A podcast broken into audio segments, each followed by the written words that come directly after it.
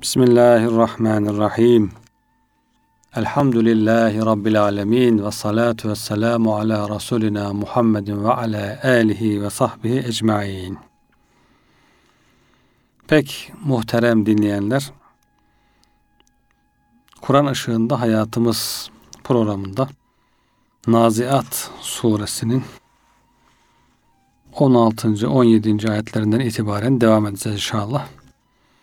Naziat suresinde Cenab-ı Hak Musa aleyhisselamın Firavun'a tebliğinden bahsediyor. Hel etâke hadîthü Musa. Sana Musa'nın haberi geldi mi? buyuruyor. İz nâdâhu rabbuhu bil vâdil mukaddesi tuva. Kutsal Tuva vadisinde Rabbi ona şöyle seslenmişti. İzheb ila firavune innehu daga. Firavun'a git çünkü o azdı. İnsan için azar? Kendisi de müstahaniyi gördüğü için. İnnel insane le yadga er stagne. Kendisi müstahaniyi görürse, kendisine biraz güç görürse, ya ben her şeyi yapabiliyorum, akıllı bir adamım, iyi kazanıyorum, zengin bir adamım, istediğimi yapabilirim gibi düşünmeye başladığında e, insan tuğyana düşüyor, azgınlığa düşüyor. Firavun da işte iktidarı ele geçirmiş, biraz güçlenince azmış. Yani kendisini uçurma e, düşürecek derecede azmış. Cenab-ı Hakk'ın rahmetine, merhametine bakın ki onu bile e, kurtarmak için o kendisine isyan eden, azan, karşı gelen, asi gelen kulunu bile e, kurtarmak için her bir kulu Cenab-ı Hakk'ın kulu Allah yaratmış hepsini. Hepsinin kurtulmasını istiyor. Peygamberler gönderiyor. Musa Aleyhisselam'a diyor ki Firavun'a git o azdı ona doğruları anlat. Dağa fiilinin mastar olan tuğyan kelimesi haddi aşmak demektir. Sınırını aşmak. Sen kulsun, kulluk sınırı var. Onu aşıyorsun. Bir başka ifadeyle Allah'ı inkar ile hakka karşı azmak. Allah'a itaat etmen, iman etmen gerekir. Kulluk yapman gerekirken bu ne yapıyor? Onları aşıyor o sınırı. Kendisinin Rab olduğunu iddia etmeye kalkıyor. İnsanlara böbürlenip onları köle edinerek halka karşı azmak hem Allah'a karşı isyan ediyor hem halka karşı bir azgınlığı var. Halka karşı da azmış durumda. Kulluğun kemali nasıl ki hakka sadakat ve halka güzel muamele ile oluyorsa azgınlığın kemali de hakka ve halka kötü muamele ile olmaktadır. Demek ki iki taraflı insan hem yaratıcısına Rabbine karşı itaatkar olacak hem de hem cinslerine karşı güzel ahlaklı, şefkatli, merhametli olacak. Demek ki tuğyanın, azgınlığın kemali de en yüksek hali de hem Allah'a karşı insanın inkarcı olması, isyankar olması hem de kullara karşı kötü muamelede bulunması, kullara, insanlara kötülük yapmasıdır. Demek ki biz insanlara karşı devamlı iyilikle muamele edeceğiz. Kaşani rahmetullahi aleyh diyor ki o azdı yani enaniyetiyle ortaya çıktı demektir. Firavun'un azması, enaniyetin kabarması. İnsanın en büyük, en tehlikeli tarafı enaniyet, bencillik, ben tarafı. Şöylesine ki Firavun güçlü bir ruh sahibi, bilgi alim bir kişiydi. Biliyor her şeyi. Akıllı, her şeye gücü yetiyor pek çok şeyi başarabiliyor. Ama e, itaat ayrı bir şey tabii ki. Fiiller vadisine girmiş, sıfatlar vadisine yol almıştı. Ancak enaniyeti sebebiyle mahrum kaldı. Bütün bu kendisine verilen nimetler enaniyetle iptale uğruyor. Geçersiz hale geliyor, zararlı hale dönüşüyor. Bunun üzerine Rablık sıfatlarına büründü ve Rablık sıfatlarını kendine aitmiş gibi gösterdi. İnsanın en tehlikeli yönü demek ki enaniyet, bencillik, ben davası. O ben davası her şeyi alt üst ediyor. En faydalı şeyleri en zararlı hale getirebiliyor. En e, istifade edilecek nimetleri en büyük azaba çevirebiliyor.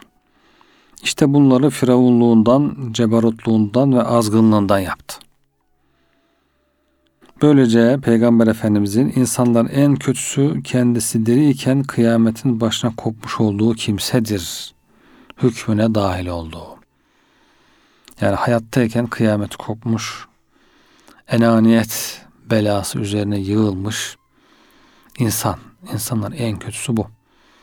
Böyle bir kimse sıfatların tevhidi makamında nefsi ve onun heva ve hevesiyle kaim ve haydır. Nefsin peşinde, nefsin emrinde hareket ediyor. Nefse emmare. Nefse emmare hep ejderha gibi, büyük bir yılan gibi temsil etmişler. İnsanı e, bir anda yutan büyük bir felaket. Onun için İslam ahlakının zirvesi tevazudur. İnsan mütevazi olacak. Ve ibadur rahmanillezine yemşuna alel ardı hevnen. Rahman'ın has kulları, seçkin kulları yeryüzünde tevazu ile yürürler. Tevazu kula en çok yakışan şeydir. Kibir ise, büyüklük ise bir tek kişiye yakışır. Allah Teala'ya yakışır. Onda gerçek olarak durur çünkü. Gerçekten o büyük olduğu için kibir onda yalan olmaz. Ama insanlarda kibir yalan olur. Kibir büyüğüm demektir. Halbuki insan büyük değildir. İnsan kuldur. Onun için insana tevazu yakışır. İşte bu mahrumiyetlerin en büyüğüdür. Yani kulun nefsin güdümünde olması mahrumiyetlerin, zararların en büyüğü oluyor kıymetli dinleyenler. Naziyat suresi 18. ayet Fagul helleke illa en tezekke Cenab-ı Hak Hazreti Musa'ya emrediyor. De ki arınmayı ister misin? Arınmak ister misin? Faydalanmak ister misin? Doğruyu bulmak ister misin? Ey Firavun. Ona gittikten sonra de ki arınmayı ister misin? Yani senin böyle bir isteğin ve meylin var mı? Bir başka ifadeyle senin inkar ve azgınlık kirlerinden, beşeri bulanıklık kirleriyle ve tabiat pisliklerinden temizlenme arzun var mı? Nefisten, enaniyetten temizlenmek ister misin? Buradaki üslup da çok önemli hakikaten. Emredici bir üslup. Böyle insanın nefsine ağır gelecek, onu daha isyana sürükleyecek bir üslup yok. Gel temizlen, seni temizleyeceğim gibi böyle bir üslup yok. Yani Cenab-ı Hak şöyle de diyor, temizlemek ister misin? İhtiyar onun tabi tercihine yine burada e, yer açılıyor. Tercih senin. Allah Teala muhayyer bırakmış çünkü. Kulluk ebedi hayatı kazanacak. Kolay bir şey değil. Ebedi sonsuz bir hayat kazanacak insan. Onu kendi iradesiyle kazanmasını istiyor Cenab-ı Hak. Dolayısıyla hiçbir zaman zorlamıyor. Herkesi serbest bırakıyor. Ama onlara her her yönden, her şekilde, her halükarda doğruları anlatıyor, çeşitli misaller veriyor, nasihatler ediyor, öğütler veriyor. Yani onlarını kurtarmak için, onların iradesine destek olmak için ne varsa Cenab-ı Hak ortaya döküyor. Yeter ki diyor kendi iradenle ufacık bir gayretle şunu şu adımı atıver. Hani küçük bebeğe adım attırmak isterler. Her şeyi hazırlarlar değil mi? Yolunu dümdüz yaparlar, kollarından tutarlar. Hafif de kaldırırlar. Hadi şu ayağını bir atıver şöyle bir adım atıver. Sanki buna benziyor yani. Cenab-ı Hak kula her türlü ibretleri, delilleri, mucizeleri önüne seriyor. Sözlü olarak ikaz ediyor, kitap gönderiyor, peygamber gönderiyor, akıl veriyor, vicdan veriyor, her şeyi veriyor. Diyor ki kendi iradenle ben Allah'a iman ettim, deyiver ve ebedi hayatı kazan. Bu kadar da basit bir şey aslında ama işte bu enaniyet ve şeytanın vesveseleri çoğu insana maalesef azdırıyor. Azgın insan çok çirkin bir hal alıyor. Çirkin, ruhu öyle çirkin bir hal alıyor ki Allah'a karşı kabadayılık yapmaya karşı kalkıyor, yiğitlik yapmaya kalkıyor. Allah'a isyan etmeyi büyük bir marifet gibi görmeye kalkıyor. İşte ondan kurtul, kurtarmak için insanı e, peygamberler, kitaplar ve diğer davetçi Müslümanlar ellerinden geleni yapıyorlar. Burada da Firavun'a işte böyle bir üslup kullanılıyor Cenab-ı Hak. Temizlenmek ister misin? Arzu eder misin? Yani böyle bir düşünmeye de sevk ediyor onu. Özendiriyor da. Ve ehdiyeke ila rabbike fetahşa. Seni Rabbine hidayet edeyim. Rabbinin yolunu göstereyim. Rabbinle ilgili bilgileri sana öğreteyim. Rabbinin hakikatini sana anlatayım. Ve ondan korkasın. Rabbini tanırsan inneme yakşallâhe min ibâdihil ulemâ. Allah'tan en çok haşyet duyan korkanlar onu iyi tanıyanlardır. Onu bilenlerdir. Alim kullarıdır. Dolayısıyla ben de sana Rabbini anlatayım ki zaten tabi olarak ondan korkman gerektiğini anlayacaksın. Çünkü Cenab-ı Hakk'ın azametini anlayınca, öğrenince, kendi durumunu öğrenince ister istemez bu gerçekleşecek. Sana Rabbinin marifetine giden yolu göstereyim mi? Soru şeklinde geliyor yine yani. Böylece onu tanır ve ondan korkarsın. Dikkat edilirse bu ayette önce tezkiye teklif oluyor. Önce tezkiye. Arınmak ister misin? Sonra Rabbini tanımak. Demek ki nefis tezkiyesi, kalp tasfiyesi denilen şey burada ortaya çıkıyor. Önce nefis tezkiye olmadan kalbin tasfiye olması, marifetlerle dolması, harekete geçmesi mümkün değil. Öncelikle bir nefsin tezkiye olması gerekiyor. Yoksa nefis büyük bir engel olarak duruyor insanla kalbi arasında. Çünkü tahalliden, güzel huylarla bezenmeden önce tezkiye geliyor, temizlik geliyor. Böylece Allah'tan korkarsın diyor. Çünkü haşyet Allah Teala'yı tanıdıktan sonra gerçekleşecek bir meseledir. Allah doğru bir şekilde tanımayan bir insan ondan korkamaz. İşte farklı dinler, değil mi? Hristiyanlık, Yahudilik kendilerine göre bir e, Allah tanımı yapmaya kalkıyor ve bu da insana hiçbir fayda getirmiyor. Çünkü yanlış tanıtıyor. İnsan muhayyilesine ürünü olarak tanıtıyor. Yani onların Rab inancı, Allah inancı bir insan muhayyilesinin ortaya koyduğu bir inanç, bir tasvir. O da tabii ki insana hiçbir faydası olmuyor. Onlar yine hani yeryüzündeki en büyük dinler. Bundan ötesinde daha kabile dinleri var. Bu değişik muhitlerde farklı inançlar var. Bunların artık hiçbirisinin insanı tatmin etmesi mümkün değil. Allah hakkında doğru bir bilgi vermesi mümkün değil. Çünkü Allah hakkında doğru bilgiyi nereden öğrenebiliriz? Ancak Allah Teala'nın kendisinin gönderdiği vahiden öğrenebiliriz. Peki doğru bir vahye sarılmayan bir insan bunu nasıl öğrenecek? Hristiyanlık, Yahudilik kendine gelen vahyi bozmuşlar. Beşer kalıplar içerisinde sıkıştırmışlar. Tahrif etmişler. Kendi muhayyelelerine göre şekillendirmişler. Dolayısıyla ondan doğru bir bilgi çıkarmaları mümkün değil. Diğer zaten vahye istinad etmeyen inanışlar bundan tamamen mahrum. Geriye İslam kalıyor. İslam inancı insana en doğru, en güzel bilgi verecek bir kaynağa sahip. Vahiy kaynağına sahip. İnsandaki Allah korkusu Allah'ı tanıdıktan sonra gerçekleşecek bir meseledir. Nitekim Allah Teala bu hakikate bir ayet-i kerimede işaret buyuruyor. Kulları içinde ancak alimler, Allah'ı hakkıyla bilen alimler Allah'tan gereğince korkarlar. Hakka davette, hakikati anlatmakta ümitsizlik yok kıymeti dinleyenler. Firavun gibi o zamanın en azgın insanı, en zalim, zorba insanına bile tebliğ emri verilmiş. Onunla git, yumuşak bir üslupla ona yumuşak söz söyle. Fekula lehu kavlen leyinen. Ona yumuşak söz söyleyin buyuruyor Cenab-ı Hak. Bu şekilde ister misin, temizlemek ister misin, Allah'ı tanımak ister misin?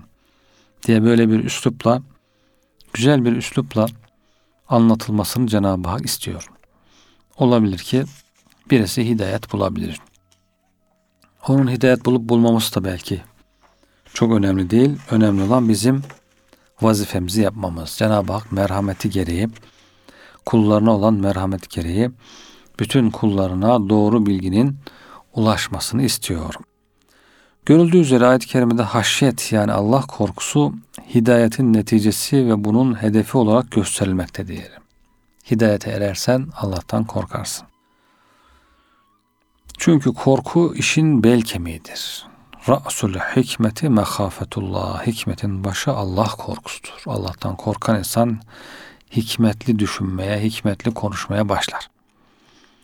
Allah'tan korkan kimseden her türlü iyilik meydana gelir. Hareketleri de hikmetli olur. Sözleri de.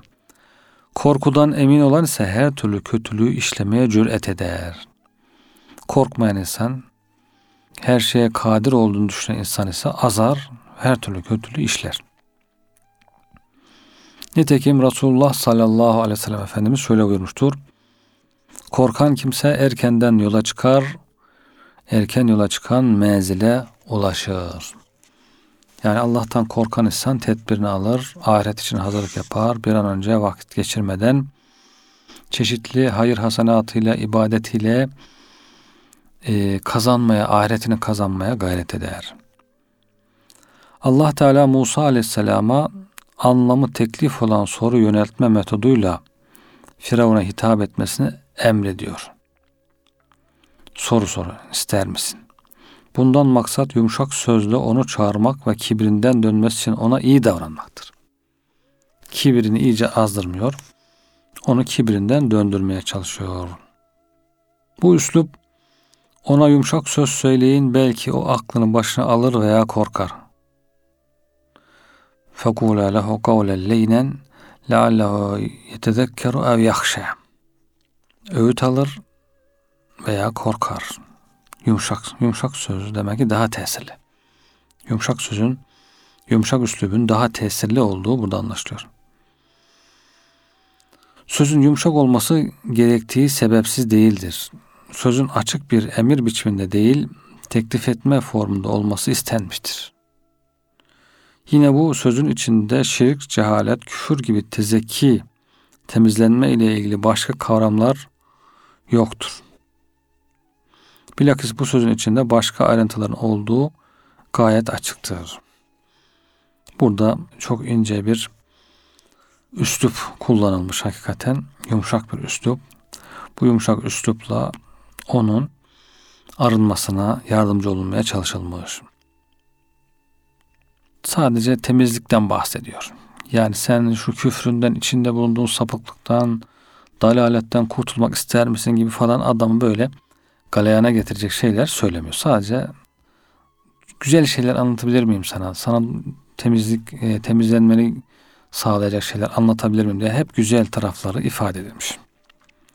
فَاَرَاهُ الْآيَةَ الْكُبْرَى Ve ona en büyük mucizeyi gösterdi. Tabi bu arada bazı olaylar geçiyor. Cenab-ı Hak Kur'an-ı Kerim'in özelliği sözü kısa özlü anlatmasıdır. Orada tabii ki Firavun cevap veriyor. Musa aleyhisselam karşılık veriyor. Konuşmalar oluyor falan. Sonunda Firavun diyor ki peki senin e, hani hangi vasıfla bu sözü söylüyorsun? O diyor ki işte ben Allah'ın peygamberiyim. Allah Teala bana emretti sana uyarmamam. Firavun tabi bunu kabul etmesi mümkün değil ama diyor ki peki o zaman bunun delilin nedir? İşte buna delili mucizedir diyor işte sana mucize göstereceğim. Allah'ın elçisi olduğumu diyor anlarsın diyor. Ve ona diyor en büyük mucizeyi gösterdi. Musa aleyhisselam mucizeyi gösteriyor. Çünkü Hz. Musa ile Firavun arasında bilinen karşılıklı konuşmalar geçmiş. Sonunda Firavun Hz. Musa'ya eğer sen sözünde doğru olduğuna dair bir mucize getirdiysen bunu göster demiştir. Araf suresi 106. ayette bunu ifade ediyor. Daha açık ifade etmek gerekirse Hz. Musa Allah'tan emir aldıktan sonra Firavun'a gider onu tevhid ve itaata çağırır. Bunun üzerine Firavun ondan iddiasına doğru olduğuna dair bir mucize ister. Burada göstermek ama gösterdi, bildirmek manası da var. Yani hakikatini gösterdi. Çünkü lanetli Firavun mucizeyi görünce onun gerçek olduğunu anlamış. Ancak bunun sihir olduğunu iddia etmiştir. Yani sadece bir göstermeden ziyade onun hakikatini ortaya koymak, onu anlatmak. Anlıyor ya bu gerçekten mucizedir. Ama anladığı halde inkar ediyor. Firavun'a gösterilen bu en büyük mucize Hz. Musa tarafından ortaya konan bir kuvvet izharıydı. Bu mucizenin Hz. Musa'ya nispet edilmesi zahiri bir nispettir. Hakikatte Allah Teala gösteriyor ama zahiren Musa Aleyhisselam'ın elinden çıkıyor. Nitekim andolsun biz ona, Firavun'a bütün bu delillerimizi gösterdik. Ayet-i kerimesinde biz anlamına gelen Na harfinin Allah Teala'ya nispet ise zahiri değil de hakiki bir nispettir. Taha suresi 56. ayet-i kerimede Cenab-ı Hak burada Musa gösterdi diyor ama mecazen işin hakikatini Taha suresinde 56. ayet-i kerimede biz ona gösterdik diye ifade ediyor. En büyük mucize ifadesiyle kastedilen asanın yılana çevrilmesidir. Asayı Musa, Hazreti Musa'nın asası yılana dönüşüyor. Küçük mucizeler ise bunun dışındaki diğer mucizelerdir. Diğer Hazreti Musa'nın başka mucizeleri de var. Asanın yılana döndürülmesi tüm mucizelerin önünde gelir. En başta bu. Şu halde fa-ı takibiyenin gereği olarak en büyük mucize fe arahu fe hemen peşinden gelen fe deyimiyle asanın yılana dönmesi kastedilmektedir. En büyük mucize. Burada büyük mucize deyince demek ki asa akla geliyor. Fekezzebe ve asa. Burada bir asa daha geldi. Bakın yani bu Kur'an-ı Kerim'in söz sanatlarından birisi. Birisi isim olan asa, baston, değnek. Diğerisi fiil olan asa. Yazılışlarında ufak bir e, fark var. Sonundaki ye elif farkı. O da fiil isyan etti manasında. O ise hemen yalanladı ve isyan etti. Firavun hemen Musa Aleyhisselam'ı yalanladı. İsyan ve böbürlenmede son derece ileri gittiği için bunu görür görmez hiç düşünmeden, kafa yormadan, akli bir delil getirmesini istemeden, fikri ve kalbi herhangi bir destek talebinde bulunmadan Musa Aleyhisselam'ı yalanladı. Ya acaba olabilir mi? Başka da delil var mı? Değil mi? Biraz düşün. Biraz sağını solunu araştır. İnanmazsam ne olur gibi falan. Bunları hiç düşünmedi. Nefsin ve şeytanın vesvesesiyle hemen anında eğer bunu kabul edersen işte dünya menfaatini kaybedeceksin. Anında reddetmen lazım. Hemen bu talimata uyarak nefsin talimatına uyarak şeytana uyarak Firavun anında yalanladı. Ve o meselenin doğru olduğunu bildikten ve buna itaat etmenin gerekli olduğu hakkında bilgi sahibi olduktan sonra en beter ve çirkin bir isyanla Allah'a isyan etti. Bile bile isyan. Çünkü alemlerin Rabbi olan Allah'ın varlığını doğrudan inkara kalkıştı. Bu ayetin başında atıf için gelen vav harfi bize gösteriyor ki en büyük mucizenin gösterilmesinin hemen ardından Allah'a isyan demek olan bunu yalanlama olayı gerçekleşmiştir. Bu yalanlamış olduğu şahsın doğrulanması gereken bir kimse olduğunu bile bile dil ile yapılmış bir yalanlamadır. Kalple değil, kalben biliyor ama tabii ki dili nefsi kalbe baskı yapıyor, kalbi susturuyor. Doğrulanması gerekmeyen bir kimseyi yalanlamak ise isyan olmaz. Yani doğrulanması gerekmeyen birisini yalanlarsan bu ise her yalanlama isyan değildir. Ama doğrulanması gereken, tasdiki gereken bir insanı yalanlarsan işte bu isyan olur. Firavun ve kavmi sadece İsrailoğullarını esaretten ve baskı altına tutmaktan salıvermekle değil, aynı zamanda Rablık iddiasını terk edip Allah Teala'ya kulluk yapmakla da emrolmuşlardı. İsrailoğulları o zaman Müslümanlar, Hz. Musa'nın kavmi onlara baskı yapıyor Firavun ve kavmi. Musa Aleyhisselam da onları bu baskıdan kurtarmaya çalışıyor. Diyor ki İsrailoğullarını serbest bırak. Bir bunu istiyor bir de Allah'a iman et. Onu istiyor. 22. ayet-i kerime Sümme edbera yes'a Sonra inkar için olanca çabasını göstermek için sırtını döndü. Sümme edbara arkasını döndü. Yes'a koşarak gitti. Firavun mucizeleri gördüğünde bunlara karşı gelmenin mümkün olduğuna inandığından değil. Sırf inat ve isyan olsun diye onlara karşı gelme hususunda olanca gayretini göstererek yüz çevirdi. Yani bir telaşa düştü. Hakikatten kaçmak istiyor. Gerçekten uzaklaşmak istiyor.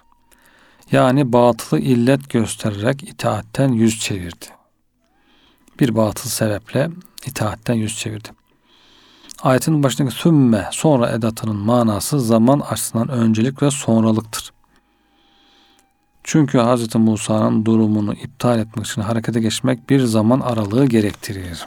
Bir zaman, bir müddet böyle duraksa da hemen koştu.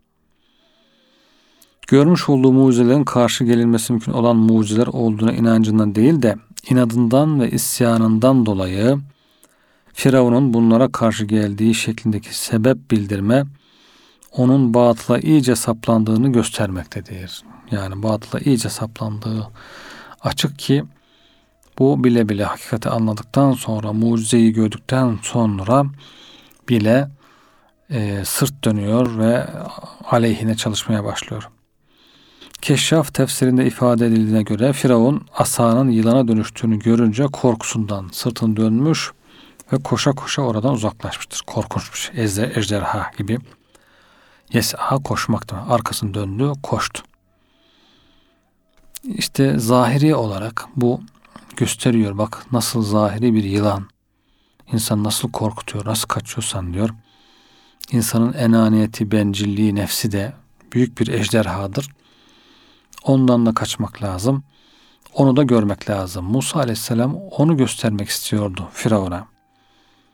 Ona nefsinin enaniyetinin ne kadar zehirli bir yılan olduğunu göstermek istiyordu. Ebedi hayatı zehirleyen bir yılan olduğunu göstermek istiyordu ama maalesef Firavun inat etti. Hasan Basri Hazretleri de bundan hareketle diyor ki Firavun akılsız bir adam diyor. Mucizeyi gördüğü halde kabul etmeyene ne derler? Akılsız derler. Zahiren çok zeki belki ama hakikatte akılsız. Fehaşara fenade. Hemen topladı adamlarını. Firavun. Sihirbazlarını, danışmanlarını topladı ve onlara nida etti. Onun sihirbazlarını topladığını şu Ara suresinde aynı hadiseyi konu alan şu ayetten de anlıyoruz. Firavun da şehirlere toplayıcılar gönderdi. Yani sadece kendi bulunduğu baş şehirden değil de bütün ülkeden ne kadar mahir adam varsa topluyor. Bir diğer ayet-i kerime Taha suresinde önceki şu ara 53. ayette şimdi Taha 60. ayet. Bunun üzerine Firavun dönüp gitti. Hilesini topladı sonra geri geldi. Hilesini, sihirbazlarını, tuzaklarını, çarelerini toplayıp geri geldi Musa Aleyhisselam'ın karşısına.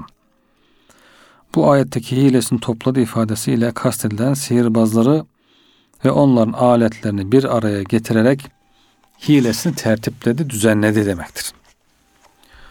Bununla birlikte ayetten Firavun bütün insanları topladığı anlamı da anlaşılabilir. Önce danışmanlarını topluyor, sonra bütün insanları topluyor ve onlara onların toplandıkları yerde bizzat kendisi veya bir tellal vasıtasıyla sesleniyor. Bütün insanlara sesleniyor. Kendi yönetimindeki insanlara. Fekale ene rabbukumul ala. Ben sizin en yüce Rabbinizim dedi. Firavun bakıyor ki gerçek Rab anlıyor ama onu bile bile inkar edip hemen onu örtbas etmek istiyor. Başka bir Rab yok. İnkara kalkıyor. Benim Rab diyor. Ne kadar acizlik aslında. Bir insandan çıkarsa bu söz büyük bir acziyet ifade ediyor. Şapşallık bir aptallık ifade ediyor. Ben sizin üzerinizde başka birisi olmayan en yüce Rabbinizim dedi. Bu sözü kendisi saltanat ve hükümet makamında bulunduğu için söylediği. Bir başka ifadeyle onlara şöyle demiş oldu. Ben sizin işlerinizi idare edenlerin en yücesiyim. Buradaki el-a'la şeklindeki ismi taftil kipi Firavun'un mertebe bakımından kendisinden daha aşağıda bulunan melekler ve emirlerin fevkinde olduğunu ifade etmektedir. Hani başka yöneticiler, krallar falan olabilir, taptıkları putlar en büyük Rab olduğunu iddia ediyor. Kaşfiye göre Firavun şöyle dedi. Putlar benim suretim üzeredirler ve onların hepsi de tanrıdır. Ben ise hepsinden daha üstünüm. Putlara tapanlar da varsa o diyor onlardan daha üstün olduğunu söylüyor Firavun. Firavun böyle üstünlük ve yücelik iddia edince bu söze karşılık üstün gelecek olan kesinlikle sensin buyuruldu Musa aleyhisselama. İnneke entel a'la. Cenab-ı Hak diyor ki korkma. Firavun'un bu ben en üstün Rabbim falan sözünü aldın mı? Üstün gelecek olan sensin diyor. Peygamberini destekliyor Cenab-ı Hak. Ona tebliğe devam et. Mucizeleri göstermeye devam et. Ona meydan oku. Çünkü onun sihrine karşı elde edilecek bir üstünlük sonuçta Firavun'a karşı elde edilmiş bir üstünlük olacaktı. Firavun elinde bir şey yok. Sihirbazlardan medet umuyor. Hz. Musa da onlara üstün gelince Firavun'un bütün malzemesi çökmüş oluyor. Kısacası o bu sözüyle kendisinin göklerin, yerin, dağların, bitkilerin ve hayvanların yaratıcısı olduğu anlamını kastetmiyor da olabilir. Çünkü kendisinin bütün bunların yaratıcısı olmadığına dair bilgi zorunlu olarak herkesin bileceği bir bilgidir. Herkes biliyor ki bu adam gidip dağdaki, bayırdaki otları, ağaçları yaratan bir adam değil. Bu noktada kuşku, şüphe duyan kimse mecnun yani delidir. Firavun mecnun olsaydı Allah Teala ona peygamber göndermezdi.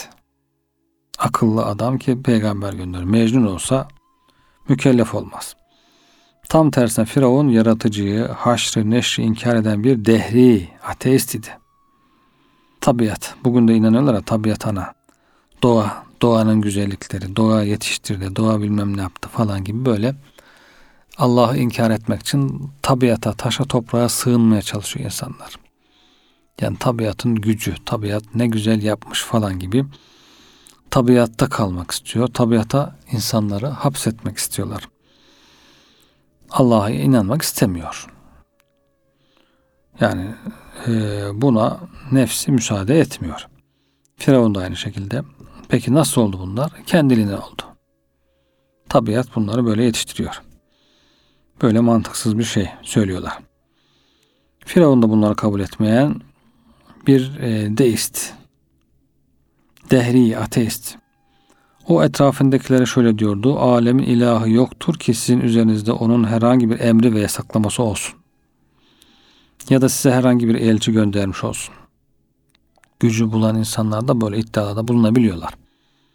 Bazıları şöyle demişler. Firavun'un Musa aleyhisselamın asasının yana dönmesiyle zelil ve aciz olduğu ortaya çıktığında bu sözleri söylememesi gerekirdi. Dolayısıyla Firavun o anda sanki ne dediğini bilmeyen bir bunak gibi olmuş oluyor. Ne yapacağını bilmiyor. Eyvah saltanat elden gidiyor endişesiyle saçmalığın zirvesine ulaşmış oluyor. İmam Kuşeyri Lataiful İşarat isimli tefsirinde şöyle demiş. İblis bu sözü duyduğunda yani iblis Firavun'un bu sözünü duyduğunda benim bu söze takatim yoktur. Ben sadece Adem'e üstünlük iddiamdan dolayı bu kadar belaya uğradım. Firavun ise bu lafı söylediğine göre onun işinin nereye ulaşacağını doğrusu bilemiyorum demiştir. Tabii ki aşağıdan alttan gazı veren o tabii ki. Şeytan, iblis, e, Firavun'u o hale getiren o ama sonunda da ben korkarım diyor. Tıpkı e, Kureyş'e yaptığı gibi. Kureyş de insan suretinde Suraka bin Malik suretinde geliyor onlara. Bir kabile reisi olarak işte ben size destek vereceğim kabilemle. Şöyle siz güçlüsünüz, böyle yenersiniz diye onları yola çıkarıyor, gaza getiriyor. Bedir'e doğru yaklaşırken karşıdan İslam ordusu görününce bakıyor ki İslam ordusunun yanında melekler var. Onları görüyor tabi. Şeytan hemen diyor ki ben Allah'tan korkarım. Hadi bana eyvallah. Kaçıyor. Onlar zannediyor ki ya Süraka kaçtı. Süraka diyorlar ne korkak adammış kaçtı gitti. Halbuki kaçan şeytan. Onlar oraya getiriyor ve diyor ki ben diyor sizin görmediklerinizi görüyorum. Ondan dolayı kaçtım diyor. Ariflerden biri demiş ki, yaratıklardan hiç kimse insanoğlunun iddia ettiği bir şekilde kemal ve mükemmellik iddia etmemiştir. İnsan iki tarafa da hakikaten e, meyilli bir varlık. Hem çok mükemmel bir insan olabiliyor, hem hayvanlardan aşağı olabiliyor. Böyle bir iddia ediyor. İnsandan başkası yapmadı. Çünkü insan o Rab olduğunu iddia etmiş ve bu ayetin ifadesiyle ben sizin en yüce Rabbinizim demişti. Hatta en yüce Rab diye ifade ediyor. İblis ise şeytan bile böyle bir iddiadan uzak durmuş ve ben Allah'tan korkuyorum demiştir. Enfal suresi 48. ayet işte melekleri görünce ben Allah'tan inni ahafullah diyor. Ben Allah'tan korkarım. Böylece o asla kendisine ait olmayan bir mertebe iddia etmemiştir. Bir başka ifadeyle iblis sadece bir günah işlemiştir. O da celal günahıdır. Kibir. O da kibirden kaynaklanıyor. Bir insanın günahı kibirden kaynaklanıyorsa ondan ümit beslemeyin diyor İbn Abbas Hazretleri. Ama normal bir günahsa, kibirden kaynaklanmayan bir günahsa onda diyor tevbe ümidi olur. İşte Hazreti Adem bir hata eseri, bir hata işlemişti, zelle işlemişti. O tövbe edebildi. Ama iblis kibir yüzünden günah işlemişti, tövbe edemedi. Melekler iblisin aksine sırf cemal mertebesinde bulunurlar. Celal günah işlemiştir diyor şeytan, iblis. Melekler cemal sıfatı mertebesinde bulunur. İnsana gelince o cemal ve celal vasıtasıyla yaratılmıştır. Onda iki yönde var. Peki yani iblis niçin ebediyen lanetlendi? Çünkü o bütün günahların sebebi oldu. Bütün günahlardan ona bir pay ayrıldı. İlk günahı işleyen, ilk isyanı yapan oldu. Her şeyin sebebi oldu. Ve o da e, daha büyük bir lanete uğradı. Tabii ki Firavun da çok farklı bir şey değil. Firavun da lanete uğradı. O da ebedi cehennemi hak etti. İblis de e, ama e, iblis bile bile, ikisi de bile bile isyan edip ve asla tövbe etmedikleri için ikisi de lanete uğramış oldular. فَأَخَذَهُ اللّٰهُ نَكَالَ الْآخِرَةِ وَالْاُولَى Allah onu herkese ibret olarak dünya ve ahiret azabıyla cezalandırdı. Firavun'a hem dünya azabı hem ahiret azabı verdi Cenab-ı Hak. İnsanlara da ibret yaptı. Nekal kelimesi azap etmek, ibretlik azap anlamına geliyor. Ancak bu azap onu gören ve iştene ibret veren, böyle bir azaba götürücü fiilleri yapmasına engel olan bir azap çeşididir. Buna göre ayet-i kerimede sanki şöyle denmiş oluyor. Allah onu dünya ve ahiret azabıyla cezalandırdı. Bu ceza ahirette yakma, dünyada ise suda boğma şeklindedir. Suda boğulduğunu görünce diğerlerine de e, ibret oluyor. Kaşani diyor ki Tevilat isimli tefsirinde Firavun kibir ridası içinde enaniyetini şiddetle ortaya koyarak Hak Teala ile çekişmeye kalkıştı. Bunun sonucunda yenildi, lanete uğradı, cehenneme atıldı. Çünkü Allah Teala bir hadis kutsi'de şöyle buyuruyor. Azamet benim izarımdır, kibriya benim ridamdır. Yani azamet ve kibriya bana yakışır. Bana ait sıfatlardır. Kim bu iki özelliğimden birisi husna benimle çekişip boy ölçüşmeye kalkışırsa onu cehenneme atarım. Onu mahvederim. Demek ki insan kibirlenmeyecek. En büyük ibret burada kibirlik, azamet taslamayacak. Bunlar Allah'ın sıfatları. Bunlara sahip olmak isteyen kimse ise perişan olacaktır.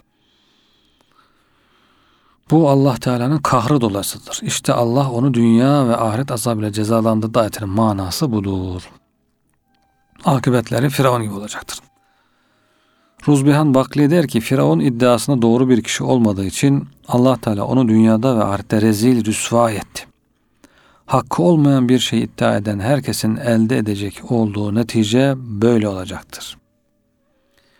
Bişri Hafi der ki Allah Teala Firavun'un dilini büyük iddialarla konuşturdu ancak bu iddiaların içini boşalttı. Seri Es-Sakati diyor ki kul efendi elbisesine bürünürse bu azaba sebeptir. Görmez misin ki Allah Teala Firavun kıssasında onun Rablık iddiasını ve Allah'ın onu cezalandırmasını nasıl zikrediyor? Görülmez mi ki orada Firavun'u her şeyi hatta kendi nefsi bile yalanlıyor.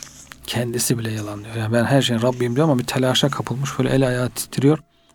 Öyle Rab mı olur? Kendisi bile yalanlıyor bu iddiasını. Demek ki buradan bizim alacağımız en büyük ibret kıymetli dinleyenler kibirden sakınmaktır. Firavun'un kibrinden sakınmaktır. Müslümanın tevazu ve izzetine sığınmaktır. İnne fî zâlike le ibreten limen yahşâ. Elbette bunda korkan kimseler için büyük bir ibret vardır. Bunda ibret var. Firavun ve Hz. Musa kıssasını okuyun, hatırlayın, bundan ibret alın. Hz. Musa'ya bakarak ne yapmamız gerektiğine e, karar verelim. Firavun'a bakarak da neden sakınmamız gerektiğini anlayalım.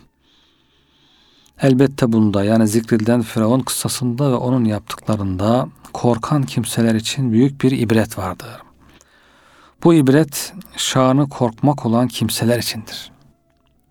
İman eden, Allah'tan korkan kimse ibret alır ama korkmayan kimse inanmaz bile buna, alay eder, güler geçer, dinlemez. Ama imanı varsa, Allah'a itaatı varsa korkar, ibret alır.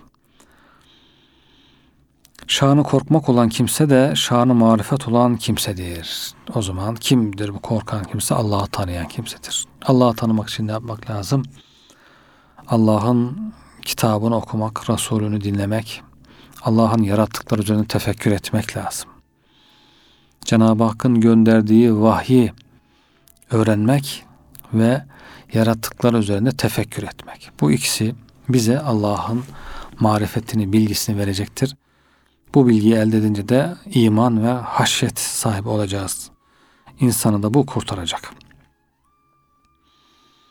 Yani Allah'ı ve onun işlerini bilen arif kişi ondan korkar. Allah'a isyan edip karşı gelmez. Onun peygamberlerine karşı gelmez. Çünkü başına azap geleceğinden korkar. Akıllı kişi başkasının durumundan ibret alan kimsedir. Firavundan ibret alan kimsedir. Senden öncekilerden ibret al da senden sonrakilere ibret olma. Öncesinden ibret almayan sonrasına ibret olur. Bugünkü programımızda burada sona erdiriyoruz kıymetli dinleyenler. Yeni bir programda görüşmek üzere. Allah'a emanet olunuz efendim.